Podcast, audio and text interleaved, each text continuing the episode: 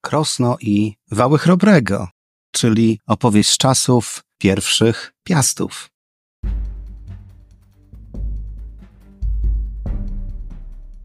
Ryszard Kapuściński powiedział: Wszak istnieje coś takiego jak zarażenie podróżą i jest to rodzaj choroby w gruncie rzeczy nieuleczalnej.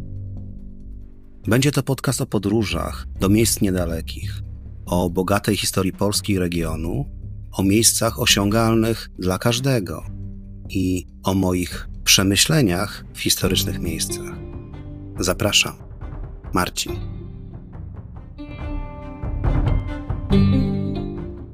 Pośród wielu dolnośląskich zagadek, które ciągle rozwiązują archeologowie i historycy, jedna szczególnie podnieca fantazję. Południowy zachód od Zielonej Góry, po obu brzegach Bobra, w kierunku na Krosno, ciągnie się linia dziwnych szczątków wałów. Nie jest to pasmo jednolite, gdzie niegdzie ginie, zniszczone przez czas i uprawę roli. W innych miejscach zaznacza się zaledwie niewielkimi wybrzuszeniami terenu. W innych znów do dziś jeszcze wyraźnie widnieje szeroki na 45 metrów pas trzech równoległych fos i trzech ziemnych nasypów. Dało się ustalić, że niegdyś wały te posiadały łączną długość przeszło 100 kilometrów. Niektórzy u nas zowią je wałami chrobrego. Niesłusznie, aczkolwiek na pewno widziały one wielkiego króla, bo na samej niemaj ich linii leży Iława, przez którą w roku tysięcznym uroczyście wkraczał do Polski, witany przez chrobrego odtąd trzeci. Wały te na pewno są starsze od chrobrego. Nie im też należy się sława, którą cieszyły zasieki tego monarchy, zagradzając wojskom cesarskim drogę w głąb Polski. Niektórzy niemieccy specjaliści utrzymywali, że twórcą wałów był osławiony margrabia Gero. W takim razie miałyby one osłaniać jego podboje od wschodu. Tak pisze Paweł Jasienica w książce Słowiański Rodowód, a wspomniane zasieki Chrobrego to legendarne słupy Bolesława wbite na rzece Soławie, dziś zwanej po niemiecku Zale. Jest to dopływ znajdujący się w Turyngi. Musimy przecież pamiętać, że państwo Chrobrego w okolicach roku tysiącznego obejmowało Czechy, Morawy, Słowację, Milsko, czyli Łużyce, a także niemiecką Marchnię Miśnieńską, teren leżący w dzisiejszej Saksonii. Pewnym jest, że umocnienia te spowolniły marsz cesarza Henryka II na Gniezno i Poznań w roku 1005, pozwalając polskiemu królowi na przebrukowanie wojsk i, i podobnie 10 lat później umożliwiły Chrobremu i jego synowi, Mieszkowi, nie tylko obronę, ale i skuteczny kontratak. A więc wojna. Tak. Z Niemcami tłuczemy się od zarania dziejów, pomijając może epizod przyjaźni Chrobrego z cesarzem Ottonem i trzecim i czasy dzisiejsze. Świadkiem tego było Krosno Odrzańskie, szczególnie za czasów naszego pierwszego króla, wówczas jeszcze księcia. Pamiętajmy, że w owym czasie Polska była już silnym i znaczącym państwem w, ten, w tej części Europy, więc nie powinny dziwić zakusy Bolesława na Łużyce i Miśnie, ani próby odebrania ziem polskich przez margrabiów niemieckich. Taka swoista próba sił. Pod Krosnem Odrzańskim starliśmy się z Niemcami pierwszy raz w roku 1005, gdy silna armia niemiecka pod wodzą cesarza Henryka II Świętego nie bez wysiłku sforsowała Odrę i z pomocą sił czeskich ruszyła na Poznań, niewiele zdobywając i podpisując pokój, który trwał dwa lata. Wtedy Chrobry znów zaatakował i po, ponownie okładali się kolejne pięć lat, co doprowadziło do kolejnego pokoju w 1013, który nadał Polsce spore lenna na zachodzie. Tradycyjnie po dwóch latach wojna rozpoczęła się na nowo i to w czasie tego epizodu wojny stoczyła się dość znamienita, przegrana przez nas bitwa, zwana właśnie bitwą pod Krosnem Odrzańskim. Wojskami polskimi wspartymi przez, przez Morawian dowodził wtedy Mieszko II Lambert, syn Bolesława. Zwycięstwo nie trwało długo, bo na skutek dywersji części rycerstwa zaciężnego, każdy ma swoją cenę, cesarz nie otrzymał posiłków i wycofał się na drugi brzeg Odry, aby miesiąc później dostać potężnego łupnia w bitwie na ziemi Działoszan i w bitwie pod Budziszynem, gdzie Niemcom nie pomogły posiłki czeskie i wieleckie. Musicie wiedzieć, że w owym czasie na zachodzie od księstwa pomorskiego istniało jeszcze słowiańskie państwo Wieletów. Aby trochę zaspoilować, wojnę wygrał Chrobry, a na zamku w Budziszynie podpisano kolejny pokój. Milsko i Łużyce przypadły Polsce bez zastrzeżeń. Tuż przed podpisaniem pokoju Chrobry złupił okolice, aby zasilić państw, kasę państwa. Łupem były setki niewolników, a o pierwszych piastach i handlu niewolnikami mam już notatki do specjalnego odcinka. Kilka słów o historii Krosna Odrzańskiego. Krosno ma swój czas starożytny, bo podobno na podstawie mapy kartografa Ptolemeusza ustalono, że była stolicą Związku Lugijskiego lub leżała na terenie związku. Na czele tego państwa stał Marbot, z celtyckiego to znaczy Marobodus, czyli wielki kruk. Kruk plemienia Markomanów, a było to około IX roku przed naszą erą.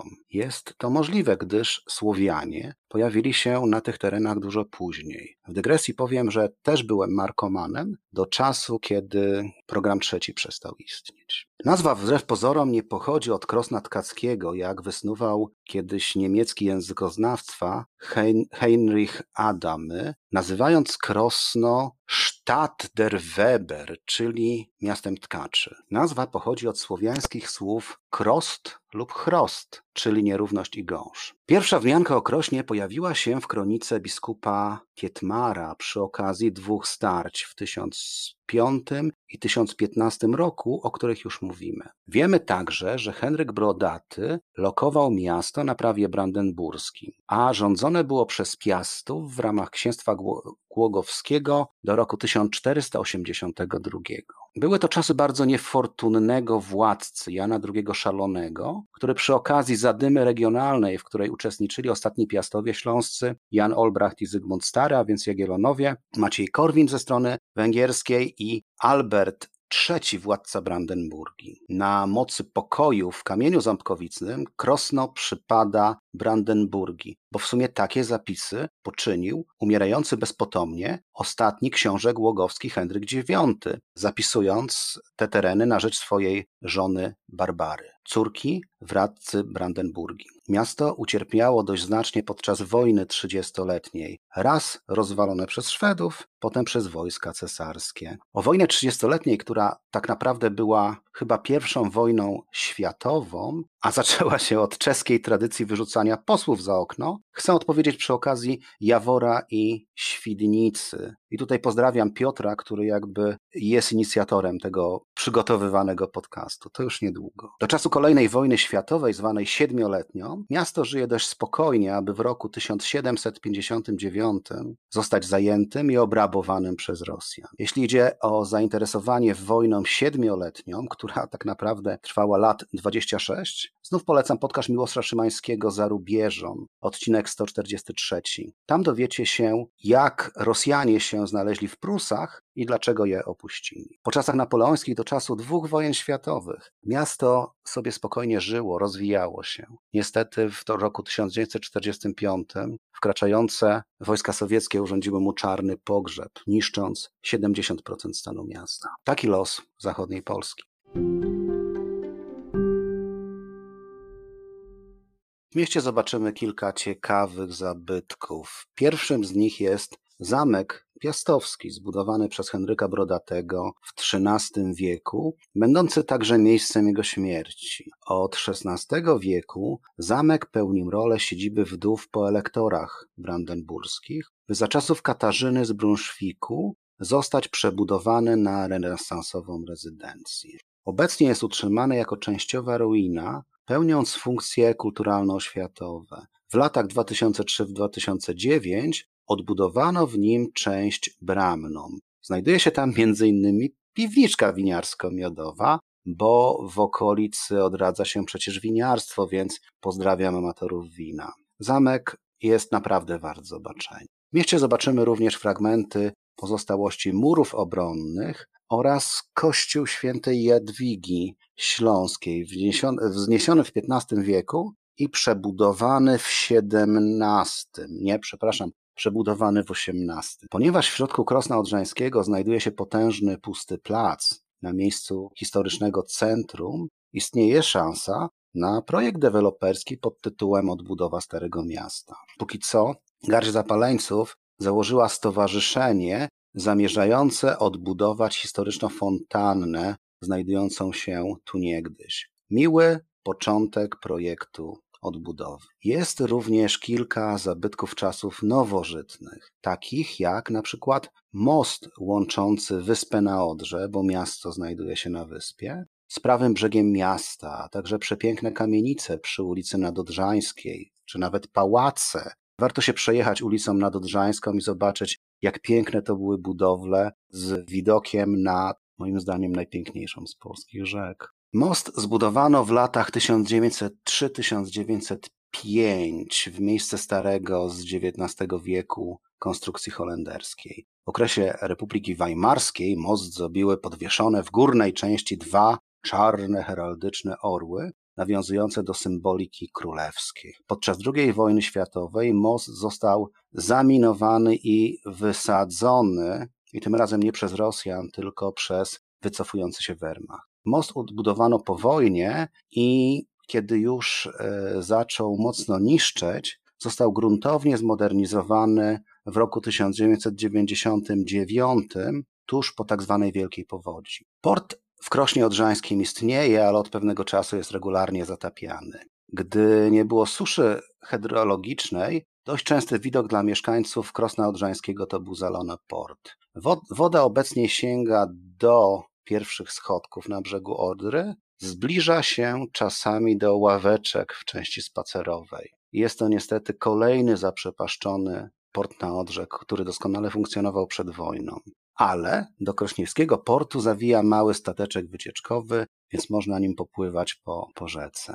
Najbardziej intrygującą atrakcją jednak dla szperaczy historii będą wspomniane już wały. Na południe od miasta rozpoczyna się łańcuch średniowiecznych, legendarnych, graniczno-obronnych wzniesień, nie wiem jak to nazwać. Są tak tak zwane wały śląskie, bo tak nazwał je doktor Ryszard Kiersnowski w 1951 roku. Oczywiście niewłaściwe określenie również jako wały chrobrego, o czym pisał Paweł Jasienica. Ciągną się one od Krosna na przeszło 100 kilometrach wzdłuż środkowego Bobru w kierunku południowo-wschodnim, aż po Mokradła w okolicy wsi Wierzbowa w Borach Dolnośląskich. Tam, uwaga, zachował się w bardzo dobrym stanie ich 7,5-kilometrowy fragment biegnący ku miejscowości Piotrowice w powiecie żagańskim. Wały w nadleśnictwie Szprotawa są dość dobrze oznakowane, więc łatwo je odnaleźć. Ta budowla, uwaga, jest uznawana za najdłuższy zabytek archeologiczny w Europie Środkowej. Jest kilka hipotez co do powstania wałów, zresztą wspominałem początkowo. Pierwsza z nich jest taka, że wały powstały w VIII wieku naszej ery, wzniesione wspólnie przez słowiańskie plemiona Ślęzan, Dziadoszan, Trzebowian i Bobrzan, aby oddzielić się od najeżdżających te tereny, uwaga, nie plemion germańskich, tylko Serbów Łużyc, i że te plemiona w owym czasie posiadały jakieś mini państewko. Druga teoria mówi, że są dużo starsze i powstały w XV wieku dla lepszej osłony księstwa głogowskiego, na co są odpowiednie źródła. No jest oczywiście opcja niemiecka, nie wiem czy ukryta, o której wspomniał już cytowany Paweł Jasienica, że zostały wzniesione przez plemiona germańskie do obrony przez Słowianami. Tylko czemu po drugiej stronie rzeki?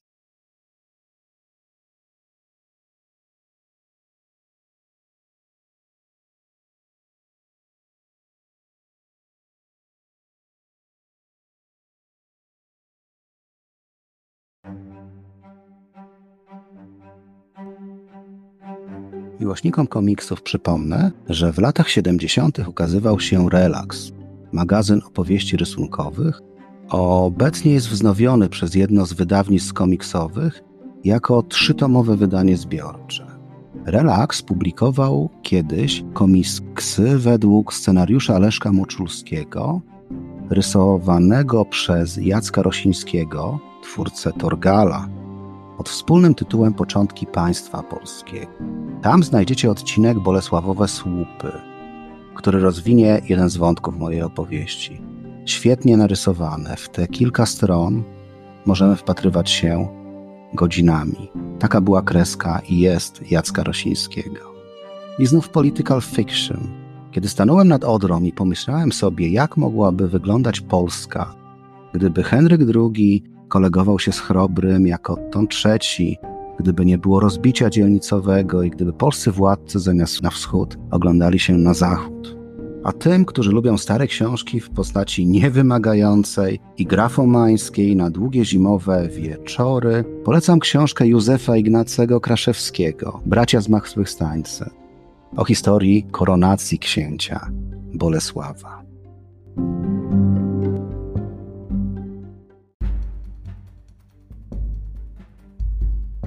Dziękuję za wysłuchanie dzisiejszego podcastu. Czekam na uwagi o tym odcinku na Facebooku i Instagramie. Możecie także ocenić ten podcast w serwisach Spotify, Apple czy Player FM. Wasze pozytywne oceny ułatwią dotarcie do kolejnych słuchaczy. Możecie także postawić mi wirtualną kawę w serwisie Buy Coffee pod adresem podcast miejsca nieoczywiste. Środki przeznaczam na promocję podcastu w mediach społecznościowych. Jeżeli macie pomysł na odcinek, poproszę o mail na adres domwdawidach.gmail.com.